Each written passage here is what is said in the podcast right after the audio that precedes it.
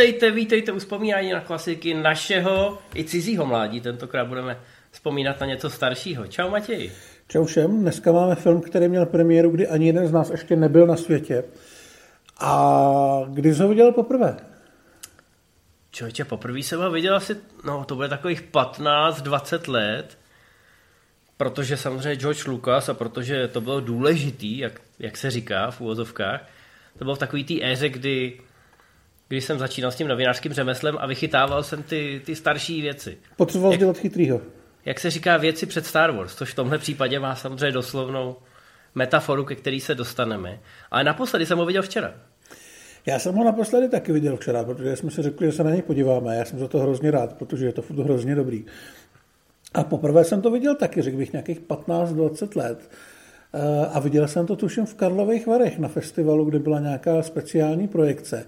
Já jsem do té doby věděl, že americké grafity existují, že to je od Lukase, který dělal Star Wars, ale z nějakého důvodu jsem se k tomu nemohl dostat. Samozřejmě kvůli tomu, že v té době to bylo docela těžký, protože na DVD to u nás jako neexistovalo.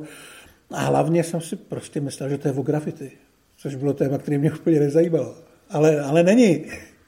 Není, není, ano. Je, je to film, je to americká nostalgie, je to v podstatě o Lukasově mládí, takže nejenže ten film je z toho roku, kdy my jsme se ještě nenarodili, ale odehrává se ještě o deset let dřív. Odehrává se na začátku 60. let. Ano, je to doslova, on se tomu občas říká, že to je ten věk nevinnosti. Jsou to ty zlatý 60. které opravdu byly zlatý. Je to ještě před začátkem války ve Větnamu, před atentátem na Kennedyho, před karibskou krizí. Doslova pár měsíců.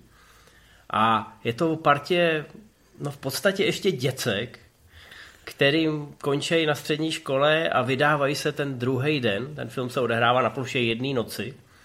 A druhý den se některý z nich eh, vydávají na univerzity na druhém konci Ameriky, jiný v tom městečku zůstávají. Jsme uprostřed Kalifornie. Eh, v takovém tom městečku, kde v uvozovkách není do čeho píchnout, je tady jeden diner, ve kterém se všichni scházejí, jedna hlavní ulice, na který všichni pálej gumy těch svých aut to je některý z nich ještě nejsou dost starý na to, aby mohli chlastat, ale už jsou dost starý na to, aby měli řidičák. Takže zkrátka bavíme se o době, kdy ty auta byly středobodem pro ty mladý. Kdy to byl ten výraz toho, že jste konečně se mohli trošku urvat, měli jste kousek eh, světa sami pro sebe, který byl rámovaný těma čtyřma kolama a volantem. A tam jste mohli zažívat ty dobrodružství. Nepředstavujte si to jako rychle a zbysile, to tenhle film není, i když teda ty, ty děcka tam fakt korzují po těch ulicích a občas závodějí mezi těma semaforama. Ono se tomu fenoménu říkalo cruising, což vlastně znamenalo zevlení v autě, bych to asi přeložil. Je to o tom jezdit pomalu po městě, potkávat kámoše, řovat na ně z okýnka, oni na vás řvou z vašeho okýnka, snažit se dostat do auta nějakou pěknou holku, která ideálně jede taky v nějakém minimautě. A byl to zkrátka způsob seznamování se a způsob randění na začátku těch 60. let, který se hodně týkal i Lukase, nejenom kvůli tomu, že tehdy vyrůstal a asi zažíval i nějaký první lásky, ale protože auta byly dlouhou část jeho života pro něj strašně důležitý. On, než se vrhnul na film, tak dokonce přemýšlel, že by se autům věnoval naplno, ať už jako mechanik, anebo eh, snad dokonce i jako závodník, protože minimálně ty pouliční závody eh, docela prožíval. Bohužel je prožíval tak intenzivně, že to jednou tím autem někam napálil a málem se zabil. Takže se rozhodl, že radši se stane filmařem, ale vždycky pro něj ty auta a právě tahle ta subkultura z těch 60. let, kdy každý to svý auto měl a šlo o to, aby dělalo co největší bordel a na té rovince se dalo závodit s někým z vedlejšího města, to pro něj bylo hrozně důležitý. Já jenom chci říct, že nemusíte v té době vyrůstat, nemusíte si ani pamatovat z nějakého kulturního rámce, protože ten samozřejmě u nás v 60. letech byl úplně jiný. Abyste to ocenili, je to takový ten kus té americké nostalgie, do který během pěti minut zaplujete a ty témata, které v tom jsou, jsou samozřejmě univerzální. Je to taková ta coming of age věc, kterých se vyrojila velká spousta, určitě si jich spoustu pamatujete. My budeme některý z nich tady zmiňovat. Matěj říkal, že dá seznam pod video, pokud si všechny zapamatujeme, abyste, kdybyste náhodou nějakou minuli nebo jste nám nerozuměli název, tak abyste si to mohli dohledat. Ale těch věcí, které byly ať už inspirované právě American Graffiti, nebo zkrátka patří do toho nostalgického ohlížení těch začínajících tvůrců, eh, tak těch je velká spousta, protože se vždycky říká, nebo je to takový zlatý pravidlo v tom Hollywoodu pro ty začátečníky, pro ty indie filmaře, točte o něčem, co jste sami zažili. Napište něco, co je z vás. Takže většinou ty prvotiny jsou právě takhle autorský, takhle osobní, ale u Luka se to úplně takhle nezačínou. U Luka se to prvotina nebyla, ale jeho první film bylo THX 1138. Eh, když jsme to koukali včera, všimnul si značky na žlutém bouráku THX 1138. Myslím, že si, že si nešlo neš, ne, nevšimnout.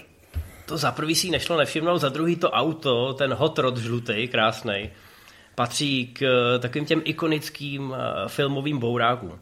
Samozřejmě není to, nejsou to ty auta, který znáte z jiných filmů, kde by to auto bylo po každý úplně ve středu dění, ale rozhodně ho nepřehlídnete v té záplavě těch ostatních old school car, Lukas tenkrát sehnal asi 300 dobových aut v perfektním stavu. V Kalifornii přece jenom je to trošku snažší, napíšete inzerát a ty lidi se k vám hrnou. Ale pak samozřejmě si to vybral při natáčení, protože všichni tyhle ty majitele se nechtěli hnout na dohled od toho auta a furt říkali hercům, že jako, no tenhle pedál se šlápně to jenom trošku a bacha na tohle a tamhle to tlačítko, na to radši nesahejte. Takže asi, asi rozumíte tomu, že pro ty lidi je to prostě úplně alfa a omega. Ale to trošku předbíháme. My jsme chtěli říct, že Lukas vlastně natočil THX 1138, což je taky slavný film, taky velmi dobrý, ale je velmi temný. Je to takový, takový orvelovský sci-fi, hraje tam Robert Duval, Donald Pleasence, je to slavná věc, která ovšem v kinech moc nevydělala a byla poměrně dost depresivní. Ty dva Takže, filmy by se nemohly od sebe víc lišit, popravdě Právě, řečeno. právě. Takže Lukas uh, se poradil se svým kamarádem Francisem Fordem Coppolou, který mu řekl, hele, teď ty lidi trošku jako zdeprimoval, musíme jim dát něco, co bude jenom pozitivní. Opravdu, že tam nebude nic zlýho. I proto to zasazení je ne vyloženě do těch 60. let, ale do toho období, jak ty jsi říkal, před kubánskou krizí, před nějakým velkým průserem, před atentátem na Kennedyho, kdy ty lidi opravdu mohli být šťastní a měli pocit, že je všechno v pořádku, že se ještě nic neposralo. Jediný problém tady byl, že se tam řeší to, že zemřel Elvis, ale reálně ty jejich životy mířejí, nebo aspoň oni si myslí, že mířejí směrem, který je vlastně krásný. A netuší, no, když si to, když si to spočítáš, tak vlastně skoro všechny ty děcka jsou ty děti, co se narodili těsně po té druhé světové. Mm. Kdy byl ten boom, kdy už si všichni říkali, hele, teď, teď to bude dobrý. Samozřejmě pak máme studenou válku, ale ta před tou kubánskou krizí probíhala tak nějak, nechci říct v pohodě, ale v Americe to byly ty prostě, byly to ty léta toho hospodářského rozkvětu. Nicméně už během produkce THX uh, Francis Ford Coppola tak nějak tušil, že ten film asi bude dobrý, ale že to není ten crowd pleaser. A říkal Lukasovi, hele, měl bys natočit něco, něco, co ty diváky do těch kin přitáhne. A Francis Ford Coppola samozřejmě měl svoje vlastní plány, dokonce spolupracoval s Lukasem na scénáři Apokalypse. Mm-hmm. Ale ve chvíli, kdy THX měl premiéru a ne, neudělal ty čísla, který, za kterými se počítalo, ten film tenkrát stál, mám pocit, 777 tisíc dolarů. Což jako nebyly velký peníze, ale opravdu komerčně to neuspělo. To znamená, že sešlo i z té apokalypsy. Uh, Lukas najednou neměl v úvozovkách do čeho píchnout a vzal za vděk tou Kopolovou radou a začal psát ten scénář. Začal psát to, co si pamatoval ze svého vlastního mládí, co ho ovlivnilo. No a ty řádky mu tam naskakovaly poměrně rychle. My tu vlastně máme čtyři hrdiny. Jeden se snaží z toho města eh, odjet, nebo snaží přemýšlí, že odjede, protože míří na tu univerzitu. Další řeší, že Eh, by se možná měl rozejít se svojí láskou ze střední školy, pokud se chce posunout dál. Další je ošklivý a hrozně by chtěl holku a další jezdí rychle autem a závodí. A všichni ty čtyři hrdinové jsou do značné míry samotný Lukas právě z období, kdy mu bylo právě kolem těch 20, kdy sám řešil ty auta, odchod z toho městečka Modesto, kde vlastně žil a zároveň řešil i ty holky, anebo nevěděl, jak ty holky řešit, protože si nevěřil a nebyl zrovna, zrovna populární u druhého pohlaví. Takže všichni ti hrdinové mají něco přímo z Lukase, nejsou to opravdové postavy, což je vlastně pro mě trošku divný, vzhledem k tomu, že na konci vlastně vidíme, co se s těma hrdinama stalo, když víme, že jsou fiktivní. Ale budíš, je to, je to vlastně asi jedno, spíš to jsou alternativy, co se mohlo stát taky Lukasovi, kam to, kam to celý mohlo výst. Já si myslím, že taková ta, to, to mimochodem v této době a, a u těchto těch filmů, těch coming out of, of age, tak, tak se hodně často děje v závěrečných titulkách. Že máš takový ten dovětek, jako z Johna se stalo tohle a James nyní pracuje pro tyhle. No, občas je tam i doslovně vysvětlený, že takový ty fotbalisti ze střední potom po 20 letech makají pro ty nerdy, který šikanovali, že jo. Hmm. Ale mně se líbí právě tahle ta paralela. Jo, jo, původně, jo. původně to bylo uh, opravdu jako ABCD, že si měl ty čtyři postavy, ty čtyři různé varianty, které potom na konci toho filmu někam dojdou a je to vlastně chytře udělané pro ty diváky, že se v tom, že se v tom každý najde. Zvlášť když na to jdou ty lidi, kteří už jsou trošku starší a třeba v té době taky vyrůstali, tak se v tu chvíli můžou ohlídnout těch 15 let zpátky a je to pro ně taková obdoba školního srazu, takový bilancování. Takže to vlastně bylo hrozně, hrozně chytře vymyšlené. Tam byl akorát jediný problém, že ty závěreční eh, doslovy dostanou jenom ty čtyři hrdinové a ne žádná z hrdinek. Tam nejsou vyloženě eh, tak důležitý ty ženské postavy, ale některý jsou. A Lukas byl potom kritikou obvinován ze sexismu a šovinismu, že tam prostě nedal prostor ženám, ale on říkal, že by to bylo už hrozně dlouhý. No, to se dostaneme k tomu, kolik měla první uh, uh, hrubá verze minut a proč se potom ten děj trošku musel látat dohromady skrz uh, jiný postupy. Nicméně já si myslím, že ty, ty holky tam mají velmi výraznou roli. Mm-hmm. Není to žádný křový, do značné míry uh, vlastně většině postav ty holky pomáhají jako katalyzátory nějakého rozhodnutí a k tomu, aby se někam posunuli. Samozřejmě jsou tady scény, které můžou dneska působit archaicky, kdy opravdu ty, ty kluci vyjou jako vlci na měsíc, jsou vykloněný z toho okýnka a pískají na ty holky, co jdou po tom chodníku a ty holky hodnotí ty kluky podle toho, jaký mají auto samozřejmě, jo? jestli je to auto drahý a prostě samozřejmě, jak ten kluk vypadá, na jakou jde univerzitu, protože to taky naznačuje, jaký bude jeho třeba potenciál zaopatřit budoucí rodinu. Takže tohle všechno tady je, ale taková zkrátka byla doba. A tady, tady to má ještě furt ten pel té nevinnosti, protože to jsou ty středoškoláci, jsou mladý a zmatený. A je to tady, tím, že je to rámovaný opravdu na ploše té jedné noci a vy se dostáváte vždycky od jednoho toho charakteru k druhému, samozřejmě se občas někde potkají, je tam ta křižovatka, což je ten diner, drive-in diner, kam prostě přijedete, objednáte si ten burger a hranolky a přijede hezká holka na kolečkových bruslích a zavěsí vám to i stácem na okno toho auta a jinak se tam vlastně ani jíst nedá, protože vy nemůžete jít dovnitř. E, tak to má takovou krásnou e, takovou krásnou atmosféru, protože za prvý to je něco, co u nás neznáme a za druhý e, je to prostě místo, kde se ty lidi scházeli. V těch autech se samozřejmě trošku i muchlovali. Já si myslím mimochodem, že American Graffiti je úplně úžasný film na to, aby se na něj byl podívat v drive-in kině. Hmm. Víš, prostě zaparkuješ to auto, prostě koukáš pod širým nebem na to obrovský plátno a samozřejmě i u tebe v autě se třeba odehrává nějaký dobrodružství. Myslím si, že podíly z, z těchto těch kin museli pak na těch tržbách dělat docela slušný procenta. No a dostat to do výroby nebyla vůbec žádná sranda. Ona teda už vůbec nebyla žádná sranda to napsat, protože Lukas to pojal opravdu jako velmi osobní projekt a chtěl k tomu tu správnou hudbu. A eh, zjistilo se, že kdyby se měly licencovat všechny písničky, které si on vysnil, tak by to vlastně zapláclo celý rozpočet. Tehdy nebylo samozřejmě vůbec v módě takovýmhle způsobem pracovat s hudbou. To nastartovala až bezstarostná jízda, kde ten soundtrack do velké míry tvoří eh, právě licencované písničky a ne původní muzika. Ale bylo to prostě nový. A Lukas eh, na to zkrátka docela těžko scháněl peníze, když řekl, že hromadu prachu mu sebere právě jenom soundtrack. Naštěstí se mu povedlo odjet do Cannes a tam potkal eh, Davida Pickera z United Artist a tomu se líbilo to, co on plánoval. No, taky se mu líbilo THX 1138. Samozřejmě na těch festivalech ty lidi nekoukají na to, jaký má váš film komerční potenciál, ale zároveň jako OK, tleskali vám tři minuty ve stoje, asi, asi něco dokážete v budoucnu, co teď chystáte. No a tím, že to byl ten příběh, který měl Lukas odžitej a který samozřejmě smrtěl tou Amerikou těch 60. let, tak v tom ten komerční potenciál byl a myslím si, že to všichni i cítili. ty jsi zmínil, že on psal ten scénář tak, že tam ty písničky už v podstatě měl připravený.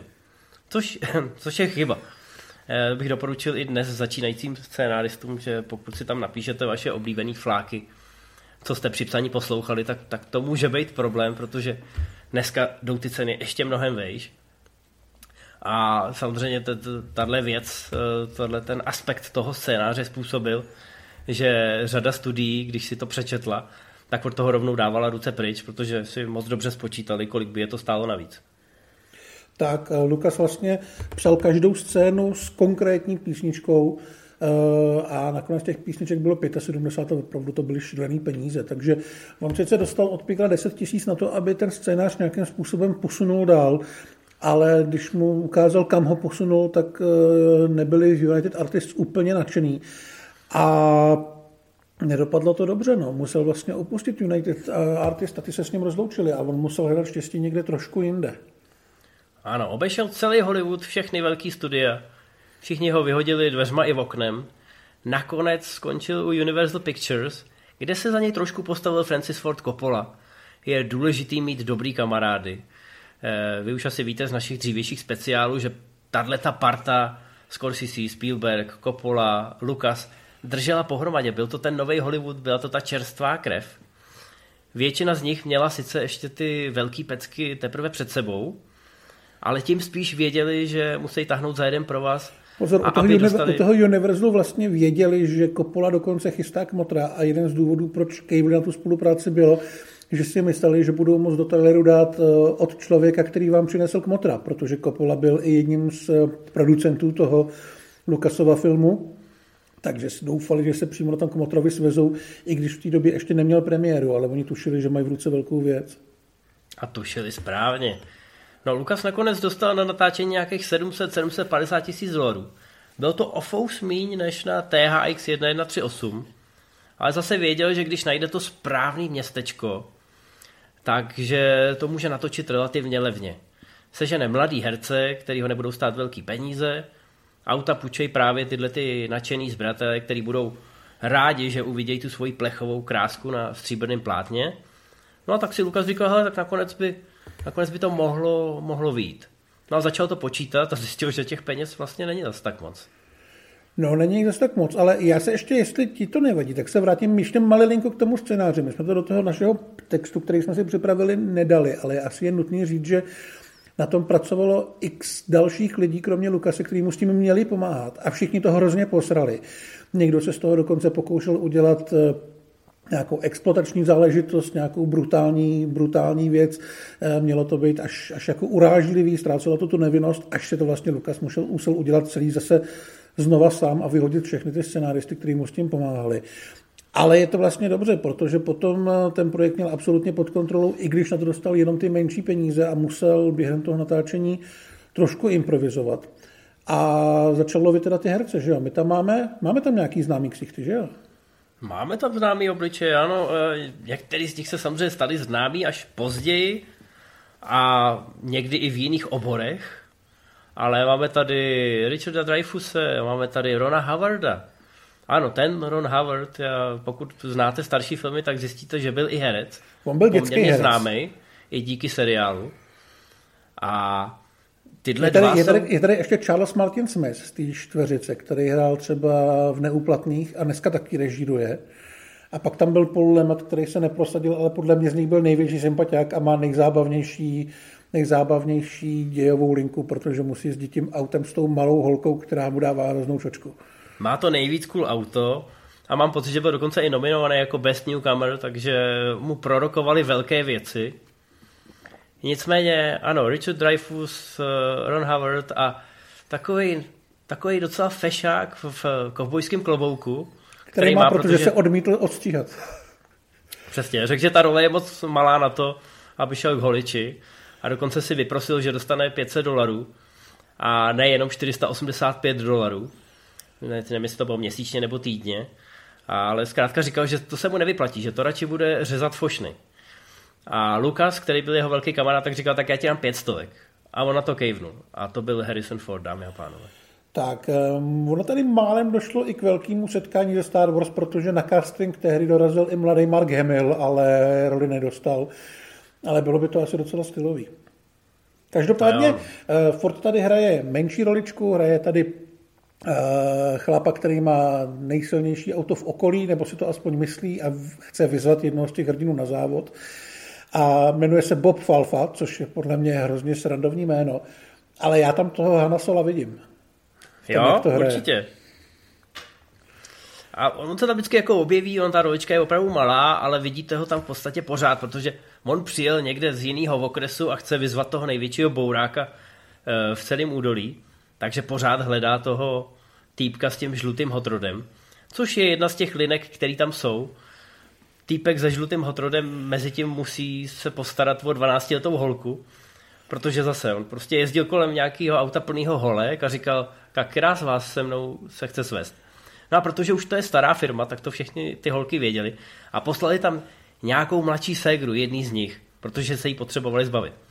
No a tam je, tam je ten krásný kontrast, že on je teď prostě odsouzený k tomu jí tam vozit, jo, a on ho samozřejmě hrozně štve, protože je to přesně taková ta puberťačka, jak si dovedete představit. A je, je to jedna z těch linek. Ona mu pomůže pochopit, protože on je ta stará firma, on je ten kabrňák, co v tom městě zůstal a pořád se tváří jako, že je mu 17, i když už je mu dávno prostě, já nevím, 25, 26.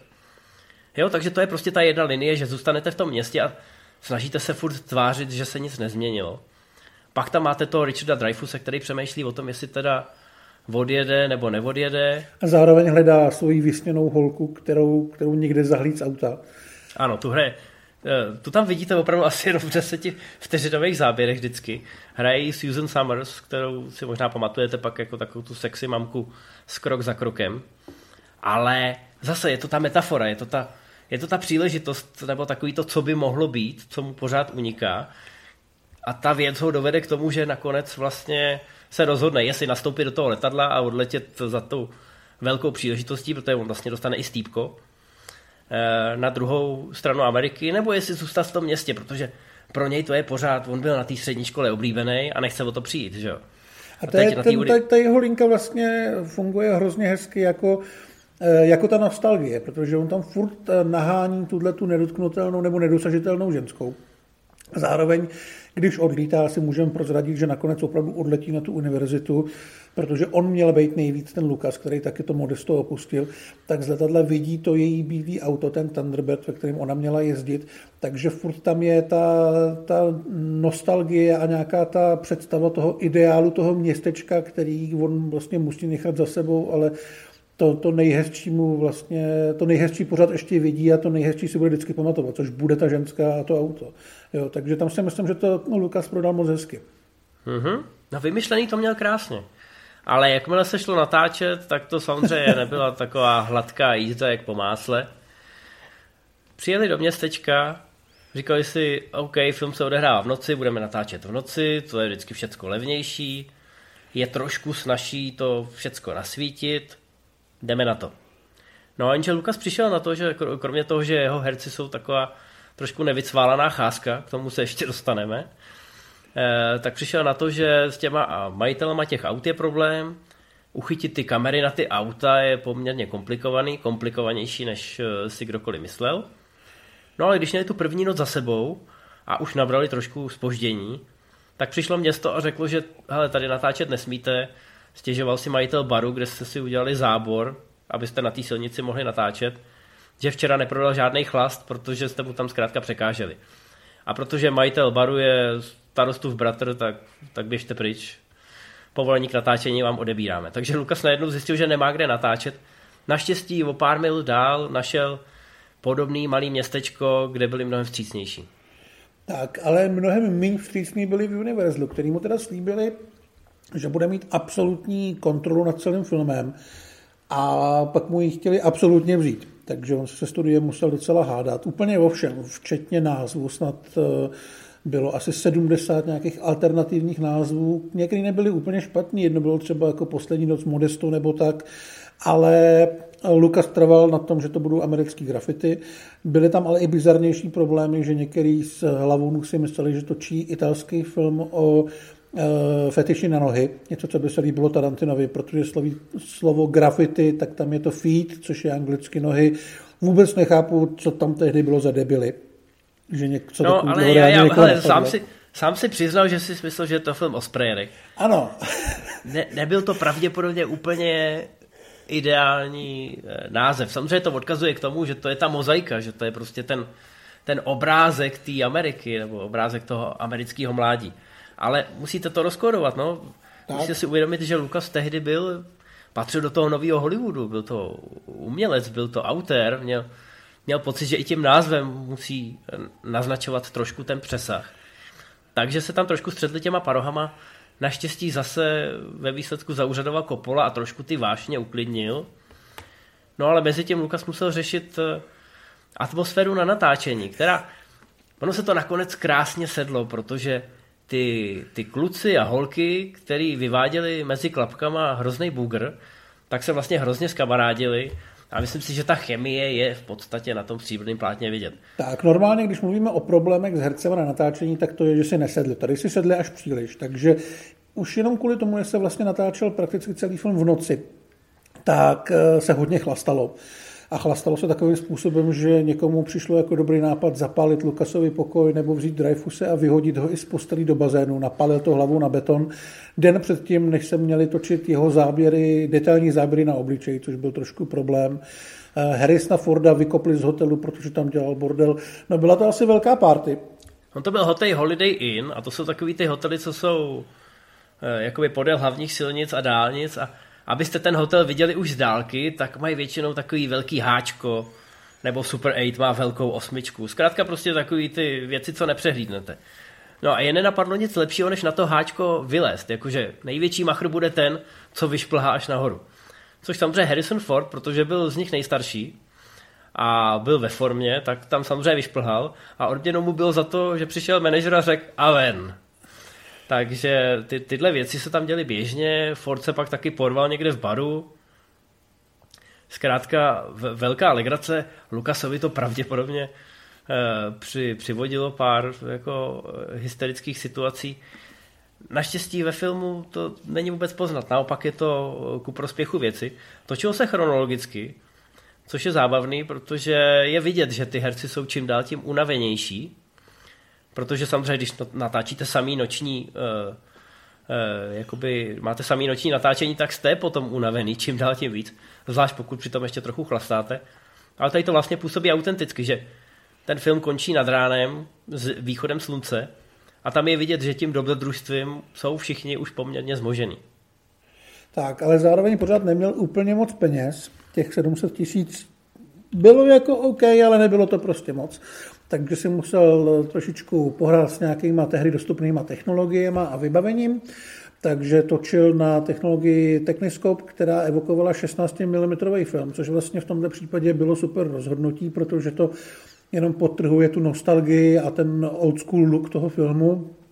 Musel pracovat s trošku menšíma kamerama, a podobně. Dokonce, když se stříhalo, tak eh, doufal, že bude moct zapojit svoji tehdejší manželku Maršu, ale tomu bylo nějak zakázáno a takže střih dostal na starost někdo jiný. Myslím, že to stříhala střihačka, tuším, že to byla žena, která dělala Sugarlandský Express. Ano, ano, to zase prostě dostal půjčenou od Spielberga, tak. který taky teprve začínal. Ale no a, a se střihli ten... to na tři a půl hodiny. ano, ano. E, ta volba těch kamer nebyla e, nebyla náhodná, protože Lukas věděl, že ten materiál je levnější, že ty kamery jsou menší že to zkrátka bude víc odsejpat. Ale ono to neodsejpalo, takže on se potom uchýlil trošku k partizánským taktikám, natáčel ty dialogy z auta do auta vždycky na dvě kamery. E, mám pocit, že dokonce měl jako vizuálního konzultanta, nějakého slavného kameramana, teď si nespomenu na jméno. A nakonec mu potom stržeb dal nějaký procento jako poděkování. A ten vizuál je on je takový jako už mudlanější, jako vnímáte to tam trošku. E, nicméně velmi, velmi osobitý, velmi svůj. A třeba David Fincher přiznal, že, e, že ten look e, klubu rváčů založil mimo jiný i na tom, jak vypadá americký graffiti. Já teďka přeskočím prostě... někam úplně jinam, ale ty jsi mě vlastně připomněl tím, že jsi říkal, že tomu kameramanovi dal nějaký procenta stržeb. Procenta stržeb dostal i člověk, který se jmenoval Wolfman Jack, což byl chlapík, který byl pro ten film a pro konkrétně Lukase a celou jeho generaci strašně důležitý. V tom filmu má malý cameo, hraje vlastně sám sebe, hraje DJe a jde o chlapíka, který vlastně od 60. let až do své smrti dělal v rádiu, proslavil se tím, že byl takový trošku ostřejší, dělal si srandu z lidí, kterým telefonoval a celá generace minimálně v té Kalifornii ho naprosto milovala. A Lukas úplně nejvíc. Takže byl strašně rád, že ho v tom filmu měl a že eh, ty jeho telefonáty a ty jeho výstupy v té rozhlasové show, který slyšíte v tom filmu, jsou přímo od něj. A on mu taky jako poděkování dal nějaký procenta sržeb a Wolfman Jack vlastně potom říkal, že díky tomu eh, se měli s manželkou až do smrti velmi dobře. Takže, a on je velmi důležitý v tom filmu, to je podobný cameo, jako je v těch smyslovkách vždycky. Jo, mě to taky připomnělo, když promluví tichý Bob. No, nebo jak tam máš toho mentora, ať už je to Stan Lee, Aha. nebo Will Smith z Jersey Girl třeba. Někdo, koho potkáš a kdo tě jako hrdinu, v tomhle případě Richarda Dreyfuse, někam posune. Jo, dá ti nějaký ten, dá ti nějaký ten impuls, aby si rozseknul nějaký to dilema. Takže tohle krásně fungovalo. A hlavně Lukas dostal všechny ty písničky, o kterých si řekl. Nedo, to nedostali. Elvise, to je jediný, co nedostali. OK, no. Stálo to asi 100 tisíc dolarů, což byla značná část toho rozpočtu. Ale Lukas zjistil, že tady už nejsou žádný peníze na orchestrálku, na tu klasickou filmovou hudbu. A proto jsou tam jenom ty písničky a všechny zaznívají vždycky od někud, z nějakého repráku nebo z rádia toho auta samozřejmě. No a aby to nějak propojil, Eh, tak tam hodně používá toho, toho Jacka právě, z toho rádia. Je to i proto, že ty jsi zmínil, že hrubá verze měla tři a půl hodiny. A studio samozřejmě jako řeklo, to, to by nešlo. On to Lukas to... nakonec stříhal na dvě a celkem bezbolestně. Na necelý dvě hodiny, ale trošku se mu tam rozjela právě ta, to paralelní vyprávění těch čtyř příběhů. A tak přemýšlel nad tím, jak to teda dát dohromady, jak tomu dát nějakou jednotící linku. No a přišli na to, že ten Wolfman Jack, který tam zaznívá z toho rádia a pak se teda opravdu i objeví, že to je vlastně ta, ta jednotící linka, že jeho vždycky slyšíme. On často v tom rádiu má nějakou průpovídku, která trošku komentuje to, co se děje na tom plátně. Je to občas odpovídá té situaci, kterou právě sledujeme. Takže to je taková jako pěkná jednotící linka. Samozřejmě tenkrát rádio bylo Eh, naprosto neoddělitelnou součástí života, nejen v Americe. Nejen, že jste ho měli v tom autě, ale měli jste ho i doma a tyhle ty DJové byly pro ty mladý absolutní legendy. Ty jsi to zmínil, já mám pocit, že Wolfman Jack pak jeden čas vysílal i na nějaký stanici, která byla na hranici států a tyhle ty stanice měly povolení vysílat eh, s větším, s větší anténou v podstatě. A zasáhli mnohem víc eh, prostoru, než by bylo legální pro jakoukoliv regionální stanici. Takže já mám pocit, že ta jeho stanice, když bylo v noci hezky a nebyly žádný mraky, tak pokryla skoro celou Ameriku. To znamená, že on byl mnohem větší hvězda, než by se mohlo poštěstit nějakému regionálnímu DJovi. Eh, no nakonec teda to asi dopadlo tak, že se Lukasovi povedlo natočit, sestříhat a ozvučit film přesně tak, jak chtěl on. Takže ho pustil lidem. A lid byl nadšen, tleskalo se na testovacích projekcích, všichni byli hrozně happy a všichni ho hrozně chválili. Tudíž se v Universalu rozhodli, že Lukasovi celý film naprosto přestříhají, protože já vlastně nevím proč. Já jsem nějak jako potom extra nepátral, ale nikdy jsem nenašel nějakou informaci, jestli prostě, já nevím, někomu šáhnul na švába nebo něco takového, ale někdo se prostě rozhodl, že ne, že takhle to nepůjde a že se to přestříhá. Došlo to tak daleko, že O těch kvalitách toho filmu se vědělo, takže třeba Francis Ford Coppola eh, nabídl, že ho odkoupí. Ozvalo se několik dalších studií, že to celý koupějí. Ale to už Universal... bylo po premiéře, to už bylo po premiéře k Motra, kdy Francis Ford Coppola byl poměrně v balíku jo. a on řekl, hele, já vám dám všech těch 800 tisíc dolarů, co to stálo. Dejte mi ten film, já ho uvedu do kin sám. Ale tady chtěl podle mě někdo jako nasrat Lukase nebo něco takového, fakt nevím. Takže mu ten film chtěli zničit. Naštěstí se to nepovedlo, protože ty hádky o to, co s tím filmem bude, trvaly tak dlouho, až ten film v Universalu viděla docela velká spousta lidí na takových těch nižších, ne manažerských postech. Ale začalo se o něm mluvit přímo i ve studiu, že to je jako teda asi vážně dobrý. A už bylo asi někomu blbý to teda začít likvidovat. Takže, no, oni to chtěli dát, oni to chtěli dát do tak, televize. Takže se rozhodli, že to dají do televize. aby se v úvozovkách pomstili. Ale ten film už viděli jen nejen lidi v Universalu, ale i lidi jako v celém Hollywoodu, v celém mém městě se vždycky říká, in the town. To je taková přezdívka pro celou tu branži. A dokonce i zástupci jiných studií začali Universal otravovat a říkali, hele, tak nám to prodejte, když nevíte, co s tím. Prostě všichni v tom viděli ten potenciál, ale někde nahoře v Univerzu seděla žába na prameni a ta si říkala, hele, tohle my nechceme, to je prostě mládež, to je film, který bude kazit celou jednu generaci. Bůh ví, Bůh ví, co se tam dělo. Naštěstí všichni teda zůstali na těch svých pozicích. Lucas byl tvrdohlavý, Francis Ford Coppola furt otravoval, až teda Universal řekl, hele, možná na tom něco bude, možná, že opravdu sedíme na zlatých vejcích. A uvolnilo se zázračně 500 tisíc dolarů, což byl skoro rozpočet toho filmu, na marketing. A řeklo se tak, OK, pojďme to těm mladým vnutit, třeba na tom aspoň nakonec vyděláme prachy. No a ty prachy vydělali a vydělali obrovský peníze. Uh, Coppola někde řekl, že ho hrozně mrzí, že vlastně ten film nefinancoval sám, protože by na něm trhnul jako producent 30 milionů v té době, eh, v 70. letech, což dneska odpovídá nějakým 200 milionů, 200 milionů dolarů. Takže ty tržby byly opravdu gigantický. A, a, že by, a že by Coppola ty prachy potřeboval, kdyby to pak jednou natočíme speciál k Apokalypse a zjistíte, že tehdy si asi na place Francis Ford Coppola určitě říkal, kdybych měl těch 30 milionů. No, ale vlastně americký grafity byl obrovský hit a co se týče porovnání mezi nákladama a tržbama, tak to je do dneška jeden z největších hitů vůbec. A e, dá se považovat právě za jeden z prvních opravdu letních blockbusterů, protože to byl ten film, který to táhnul v těch kinech několik týdnů a stal se opravdovým fenoménem. A myslíme si teda, že zaslouženě. A hrozně bych chtěl vidět toho člověka, který to nechtěl pustit do kin, co mu potom všichni říkali a co musel říkat sám sobě. Přesně tak. Eh, ten film šel potom do kin ještě o pár let později, kdy ho přemixovali do Dolby stereo. A to už bylo samozřejmě v době, kdy měli Hvězdní války po premiéře. Vyšel teda Takže... do kin v roce 78 a byl trošku upravený. Byl malinko prodloužený, protože Lukas přeci jenom musel vystřihnout pár minut z nějakých scén, tuším, že z té scény, kde se tam Charles Martin Smith hádá s tím eh, prodejcem vojetých aut. A šlo opravdu o detaily, o nic zásadního, ale po druhý to šlo do kým prostě v tom kompletním. A vydělal to ještě víc peněz než při premiéře, takže v součtu ten film patří opravdu ke komerčně nejúspěšnější filmu všech dob.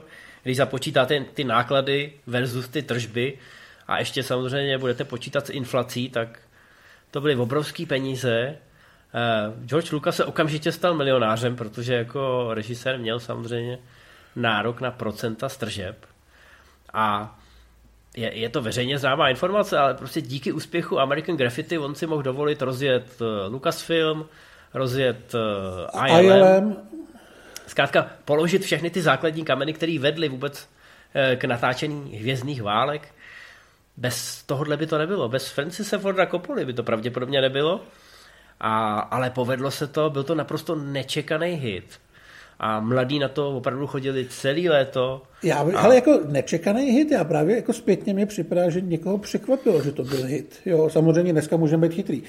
Ale jako ty 60. léta mají pořád i dneska vlastně tu auru té nevinnosti jo, a té svobody. A tady vlastně se k ní, k té auře vraceli lidi, kteří si to už prožili a kteří věděli, že jim to chybí. Byla tam ta populární muzika, byl tam ten Wolfman Jack, byla tam ta nostalgie, která oslovovala právě ty lidi, kteří už byli třeba ty třicátníci, čtyřicátníci, takže mohli chodit do těch kin a mohli na to mít ty prachy. Byl tam ten, ten pokus vyhnout se všemu negativnímu, ať už tomu Kennedymu nebo té kubánské krizi. Jako takhle zpětně mi to připadá jako projekt, který nemohl prodělat. Samozřejmě e, s ohledem na to, že víme, že za ním stal e, scenarista a režisér který je strašně šikovný. No ale po bitvě jsme samozřejmě generálové. Na papíře to všecko dává absolutní smysl.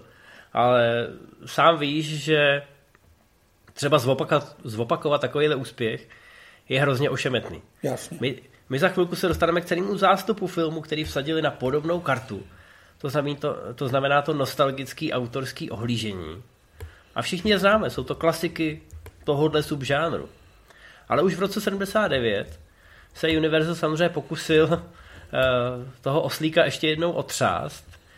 A vzniklo přímý pokračování, který se jmenuje, já nevím, jestli v češtině je to další americké grafity, v originále je to Another American Graffiti.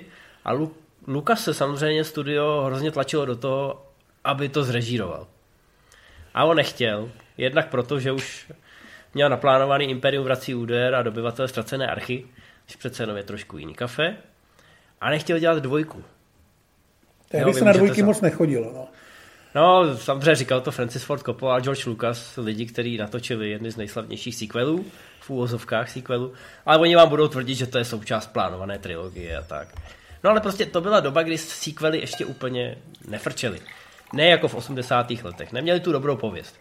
Dvojka byl prostě takový cash grab. Tak řekli, hele, do, do toho my nejdeme, ale Lukas samozřejmě tam zůstal jako producent a nějak si to pohlídal, aby to nebyl úplný průšvih. Dokonce se pokoušel sehnat známý režisérský jména, aby bylo na co jak navazovat. Byl tam John Landis, byl tam Robert Zemeckis, eh, byl tam Irvin Kershner, který dělal vlastně dvojku Imperia. Eh, nikdo z nich ale neměl zájem a tak to natočil Bill Norton, který ho neznáte ani vy, ani my. Ale ten film nebyl, samozřejmě nebyl zdaleka tak úspěšný, nebyl to teda ale ani úplný provar. Nebylo to ani úplně špatný, ale jednoduše to nemohlo dosáhnout těch kvalit a té popularity té jedničky. Navzdory tomu, že se eh, vrátí všich, vlastně skoro všichni starý hrdinové, krom Richarda Dreyfuse, ale je to takový mm, asi neurážející, ale vlastně vůbec ne nutný přílepek k té jedničce. No, kritika to trošku strhala, protože ty postavy, respektive ten scénář se snažil ty postavy udržet v tom módu toho prvního filmu. To znamená, jako takový ty snílky, byla tam ta bezstarostnost, ale ta doba kolem nich se změnila. Proběhly všechny ty věci, které už jsme zmiňovali a zkrátka nedávalo to, nedávalo to moc smysl, co se týče logiky vývoje toho postav, co se týče toho prostředí a, a všeho dalšího.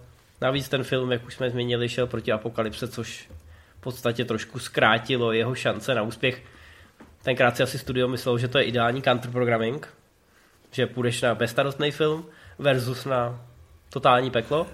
No ale úplně to nevyšlo.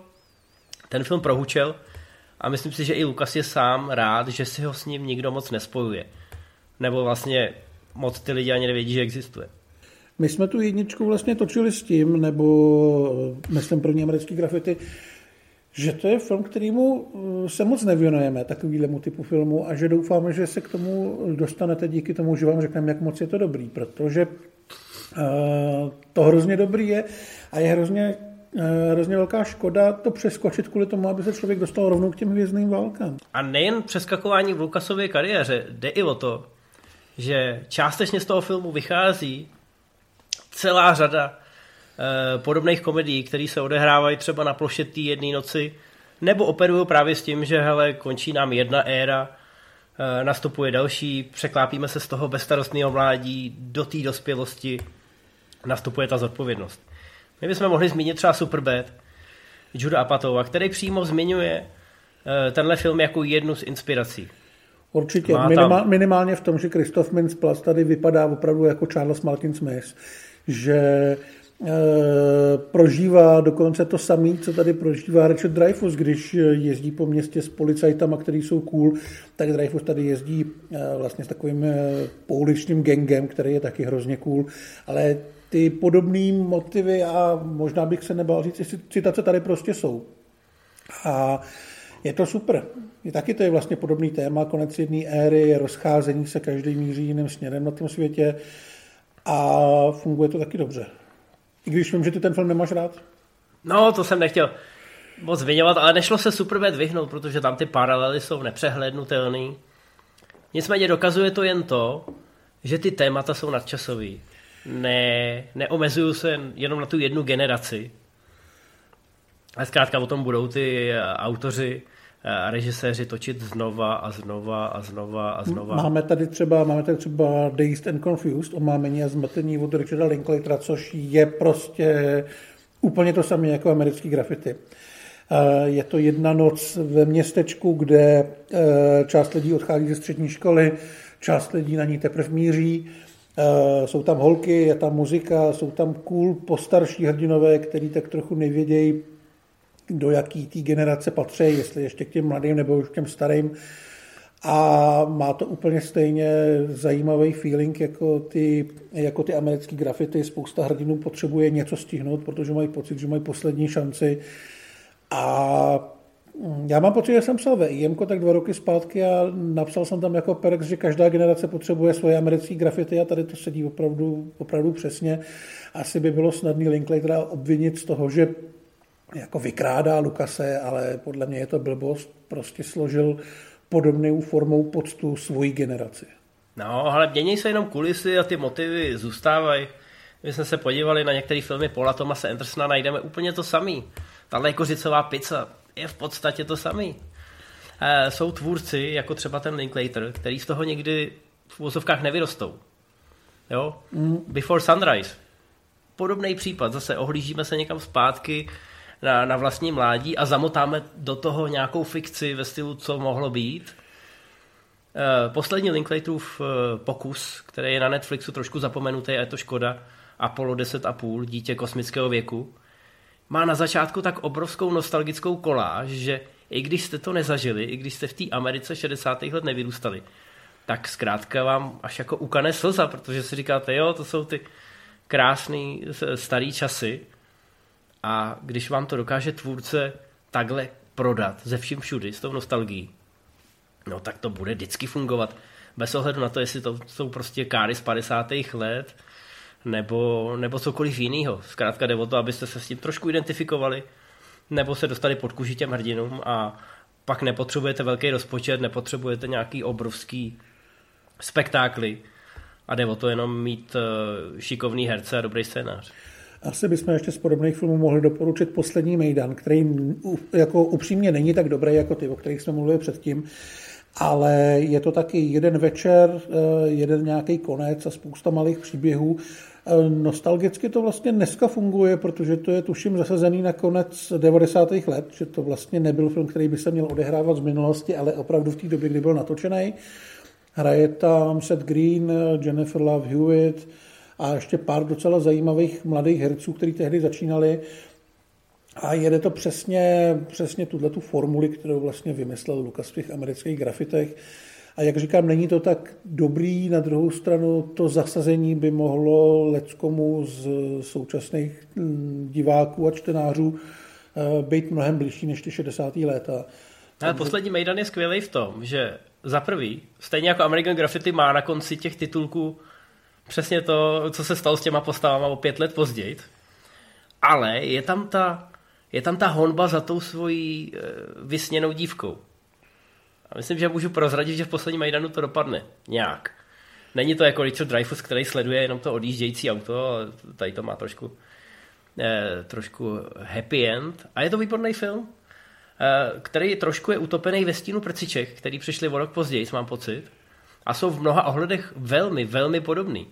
Ale zaznamenali obrovský úspěch, zatímco na poslední Mejdan se trošku pozapomněl. Tak, tak ho zkuste.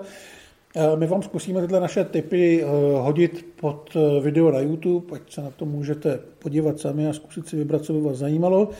Ale hlavně se dejte znovu ty americké grafity, protože jsou boží.